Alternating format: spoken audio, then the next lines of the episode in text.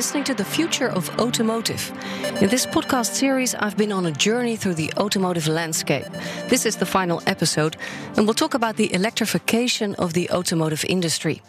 How does this trend change the way consumers feel about car ownership, for example? Now, most experts don't dare to look beyond 2030.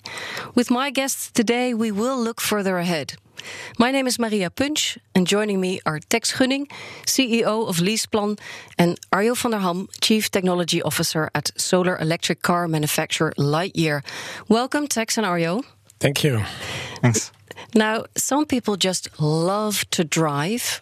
Other people we've talked to say, well, I'm actually looking forward to perhaps driving autonomous. I'm going to win time. Tex, are you somebody who loves to drive?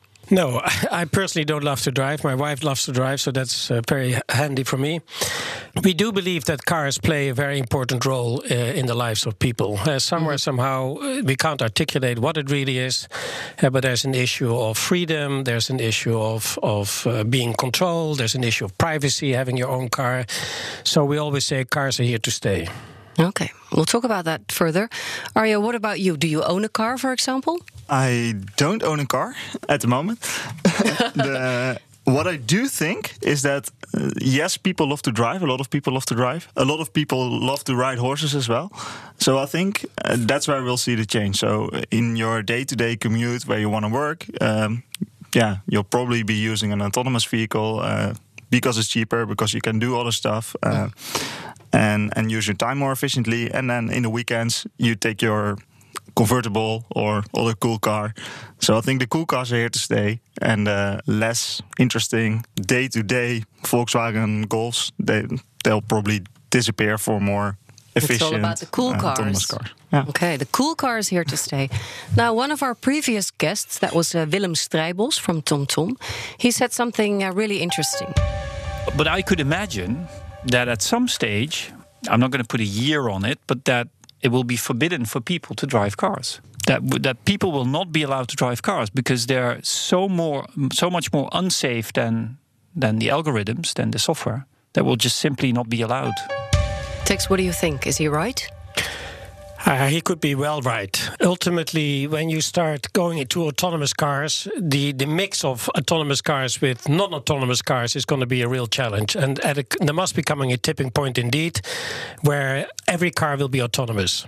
Now, then still you have the, the, the hobby cars. So, how are we going to deal with that? I don't know. Um, I think it's just going to be it's going to be highways where you exclude them, where you uh, ride few hundred kilometers an hour uh, autonomously very close together.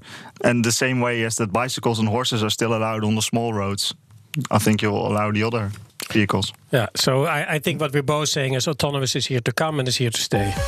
Now, before we move on, I would like to pay attention to our sponsor, Leaseplan. With over 50 years of experience, Leaseplan's mission is to provide what is next in mobility via any car, anytime, anywhere service. So their customers can focus on what is next for them. Now, Arjo, in June, uh, your company has unveiled the first prototype of the Lightyear One. Uh, very exciting, much anticipated. Um, batteries are charged through solar and plug in chargers, if I'm uh, correct. And delivery to the first consumers is expected 2020, 2021. Could you clear that up? When are the first consumers going to actually drive in your car? The handover of the keys to the first mm. consumers currently exactly. uh, early 2021. Sure. The main planning to, to what, what, we need to do now is now we presented the first prototype, and uh, what we're doing now is really uh, testing all the aspects of the car, validating the performance, uh, doing winter testing, summer testing, and, uh, and making sure that the car is completely safe and reliable be- before that happens. So actually, still a lot needs to happen from a prototype towards the delivery. Right. Does that mean that manufacturing hasn't actually started yet? It means that right now, uh, that there, right now there's one prototype. So manufacturing is evolving from uh, hand building uh, single cars to uh, installing partly, uh, part by part, the line where you build uh, the entire cars. I see. Back to the car itself. So, according to your numbers, it has a 600 to 800 kilometers uh, range on charge. And if I understand correctly, 10% of that will be from solar energy. Is that right? Actually, those numbers are, are just on the battery, so they're excluding uh, the solar power because it's really hard to also uh, really dependent on, on the area and uh, how fast you drive, etc. How much you get from uh, uh, from solar.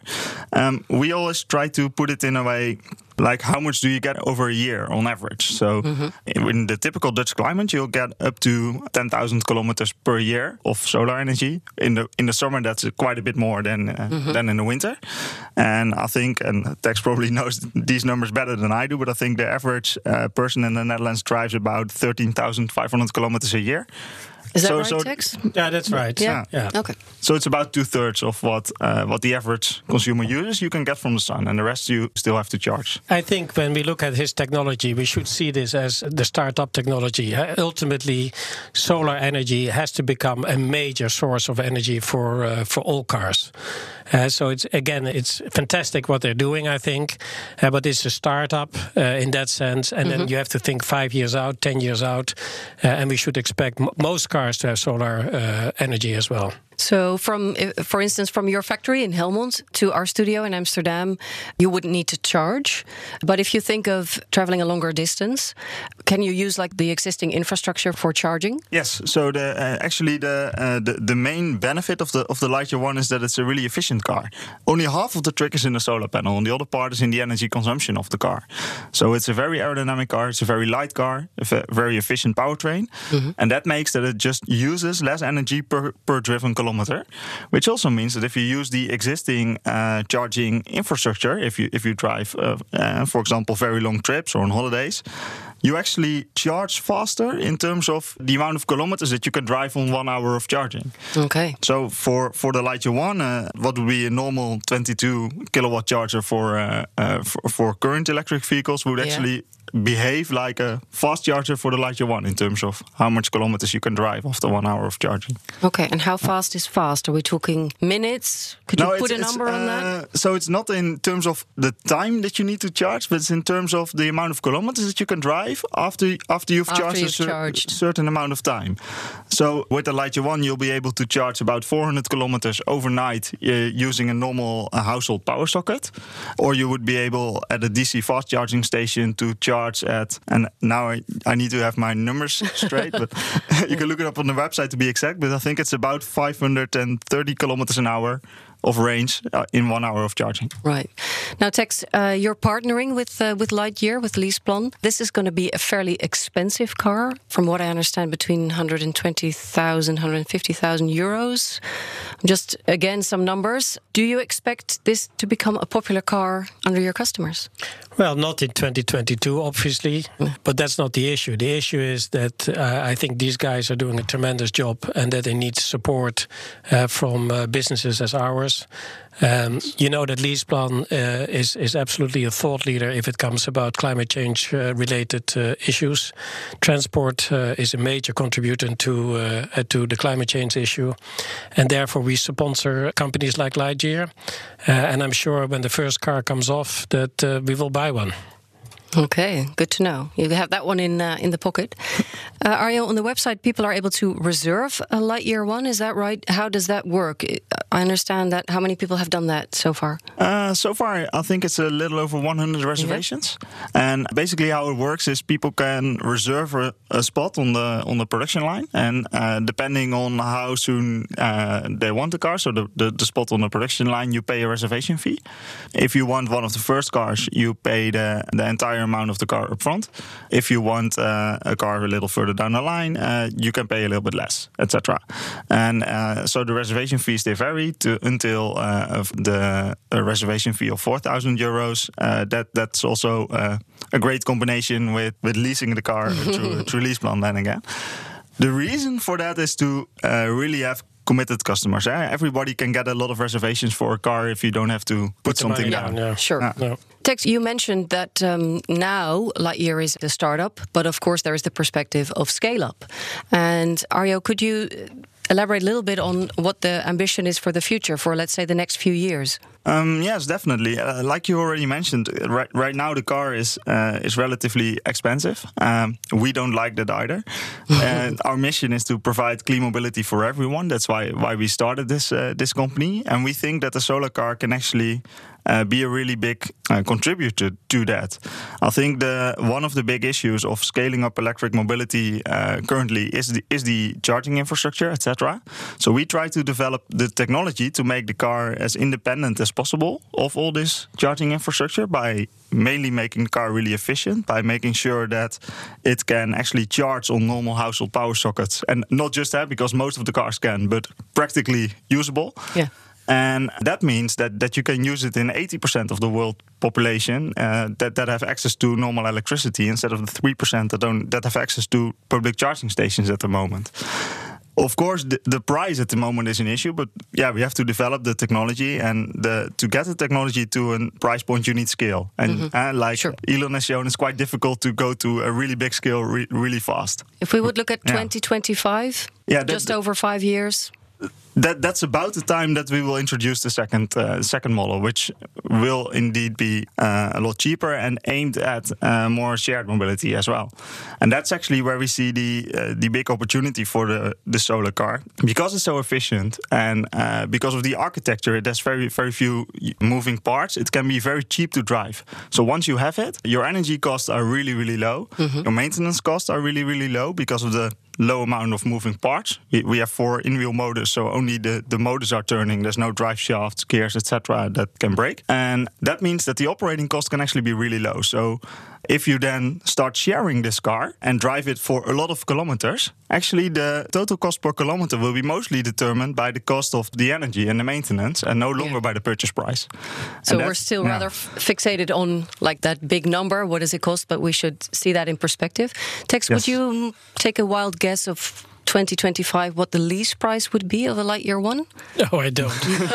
but I, I think the question was was an interesting question, 2025, because my guess is if by 2025 this technology is not uh, really uh, leverageable, uh, so applicable, then you'll be too late probably. Uh, so because the whole world is working, of course, on this technology, the whole world is working on the electrification of uh, of cars. So you will see uh, very very cost competitive cars coming out of China in the next uh, 24 months already, uh, and the years after. So for a venture like him and a, and a startup, uh, speed is of the essence to be uh, to be successful. Yeah. So we mentioned 2025. Um, Tex, uh, could you estimate what sort of part of the uh, Leaseplan cars would be electric by then? Yeah, no, that, th- thank you for the question. We have said by 2030 we want our whole fleet to be uh, electrified.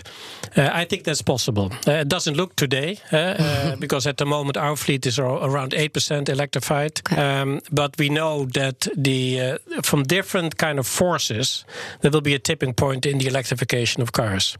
One, the car manufacturers have to push out electrical vehicles in competitive prices, otherwise they get penalties from Brussels on the uh, CO2 emissions that they have.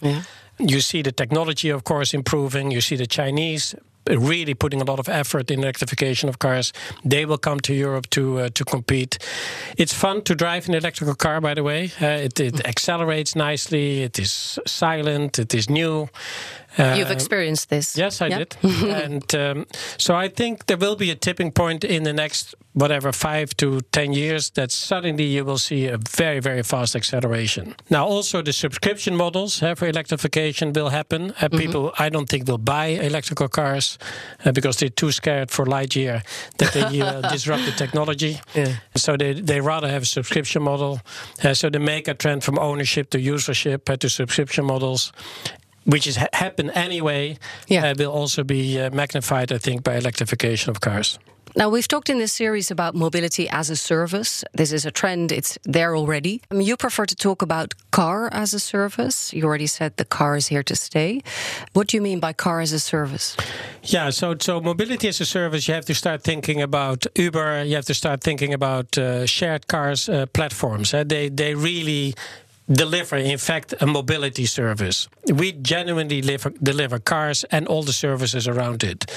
Do we believe that the market uh, will shift from car as a service to mobility as a service? Yes, we do. particularly in the autonomous uh, era, uh, where you Yeah. uh, will have. Uh, let's say large fleets uh, that are on the platform of Uber, or on the platform of Google, or a platform who knows.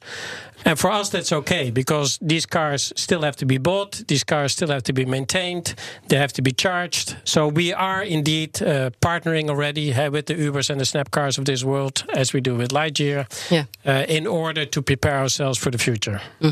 And you don't think you're going to miss out on, or perhaps lose customers, uh, if you think of a younger generation that is really geared to mobility on demand. I need a car today for an hour, and then I might need a electric bike. Yeah, the, there, there, I think there's a bit of uh, debate always about uh, the millennials, uh, as if they don't like cars. uh, I have a few millennials at uh, at home. They, they love my cars. Um, so, of course, in the inner cities, it's very difficult uh, to have a car. It's very expensive uh, for parking, etc. But ultimately, when the families are coming and you have to go to the soccer and you have to go to the hockey and you want to go whatever to your mother-in-law, you see that people want their cars again. So yes, mobility as a service in the inner city will happen, but you also see that people, when they grow up uh, and get old and have families, that they want their own car. Yeah, Arjo, what is your expectation? You think that the mobility subscription models are going to be more and more popular? It's all gonna hang on on the autonomous technology and how good that gets. Um, because I think that's really the key to make it happen. And the the main reason for owning a car is uh, is freedom. Eh? You can go wherever you want to go. Mhm. The independence. Uh, the independence Yeah. and the freedom. And as long as you don't have that that car available anywhere, anytime. Also, in case of emergency, if you need to go to the hospital in in five minutes, as long as if that's not the case, then people will still buy a car as a backup and have it there. It needs to be perfect before you really get to that shift. But I do think it can be that good. It's it's just gonna take a while. So it's gonna start in the inner cities and then Yeah. yeah. But you see it with Uber. I mean, uh, uh, I'm living in the center of Amsterdam. I never drive in the center. I always take an Uber if I have Neither to go do I. yeah. Yeah. So, what does that mean for your business, Arjo? Uh, it's actually really good, I would say, because the, everybody's working on autonomous vehicles. Everybody's working on the on the shared platforms, but uh, not many people are working on where does the energy come from and how do we actually make that possible. Especially if we look at the less developed markets where electricity grid is already a problem. Yeah. You can't just start driving electric over there, and then then you need a solution that uh, focuses on the energy, and, and you get to. Two flies in one blow. I don't know if it works in English. Um, you drastically lower the operating cost by reducing the energy consumption, but you also lower the dependency on that on that infrastructure. Th- that's where the win-win is, I think, and Yeah. that's the, the part there- that Lightyear adds. Uh, there's an interesting part happening uh, where we're thinking about as well, where we can give back energy to the grid at the right time or take energy from the grid at the right time. Uh, and therefore, you have to think about 4 million batteries uh, driving in Europe. Yeah. And that's going to be part of the whole energy grid. And that's a very interesting development, I think. Yeah. Um, Arjo, you're thinking of upcoming markets. You're thinking of certain countries in Africa. You're thinking of India. Is that right? Yeah, that's correct. That's the, the long term, but The I long term. do think that's really where we need this clean mobility for everyone in terms of our mission. So that that's why the company was started and where we want to go in the uh, in the long term. Because if we look today, you see that the the welfare of, of people in those developing countries is, is increasing, which is a very good thing. But the income level at which they can afford to drive cars in the coming 20 to 30 years. Mm-hmm. And we want to make sure that by the time that they get there, that the cheapest form of mobility is also clean. Because I think that's the only one we can prevent an even much bigger disaster than we're already creating in the in the Western world right now. In terms of climate change. Yes. Yeah. Tex, for your business, do you see more opportunities outside Europe? Well, the, the opportunities are there. We're- talking about 7 billion people going to 9 billion people. Uh, indeed, we hope that uh, welfare will uh, will be better uh, distributed in this world. But it doesn't mean as a business that you have to go there. Uh, sometimes strategy is also choosing what not to do. We're focusing on Europe. Uh, that is where our bread and butter is. We're focusing on the US and uh, Mexico and Brazil. And I think that's enough for the time being. Yeah. Now, we've mainly spoke about the next 10 years. A lot of people don't really dare to look beyond, let's say, 2030. That seems to be a bit of a sort of magic number. Are we going to go to a future Tex, do you think, where all the cars will be electric? That I don't know. I mean, you, you all the cars. You start to also talk about trucks, heavy trucks. Uh, heavy trucks might go Transportation, to uh, sure. and transportation might go to other, let's say, technology. But do I believe that electrification is here to be accelerated over the next five to 10 years? Yes. Do I believe that um, sun energy is going to play a very important role in that? Uh, absolutely. Yeah. What do you think, Arjo? Is is solar going to be the new way of transportation? Um, ultimately, so solar is going to be the way of providing the energy, and uh, mm. the combination with transportation is interesting because you generate the electricity as close to the you have the source as close to the user as as possible directly on the car. It's also the most efficient part. It's the most in the end, all of our energy comes from the sun, and the most efficient way to get it from the sun to your wheels is right now uh, today is by having a solar panel directly on the car. Um, if we look beyond 2030, I think some people have called it uh, energy abundance, so we need to take that into account. Mm-hmm. That might change a lot if if actually uh, somebody gets nuclear fusion working, and we have indeed that uh, electrical energy abundance, and then we don't have to worry as much anymore about how do how much do we use. Mm-hmm. That might change a lot. Probably, if that's the case, I would say we start flying. But I also agree with uh, with Tex on uh, uh, the main issue with electrification today is uh, the density of uh, of storing it in terms right. of, of batteries, etc., and uh, how fast you can transport it, so the, the, the charging. And if somebody hasn't solved those two by 2030, then indeed we'll see, I think, a lot of high uh, energy consumption transport modes, such as um, ships, planes, trucks, etc., yeah. probably go to hydrogen or to solar fuels, something like that. Yeah. Now, you've had to work in great secrecy on your Lightyear One, revealed in June. I could imagine that a lot of people are interested in talking to you and maybe even would like to buy Lightyear. Is that going on? Definitely. so, yeah, for all those people interested, definitely have a look at the website. Thank you, Arjo van der Ham and Tex Gunning. Thank, Thank you, you so much for this interesting conversation. This is the final episode of The Future of Automotive. I hope you enjoyed the ride. Check out the other episodes in this series. You'll find them in the BNR app or just look us up in your favorite podcast player. Goodbye.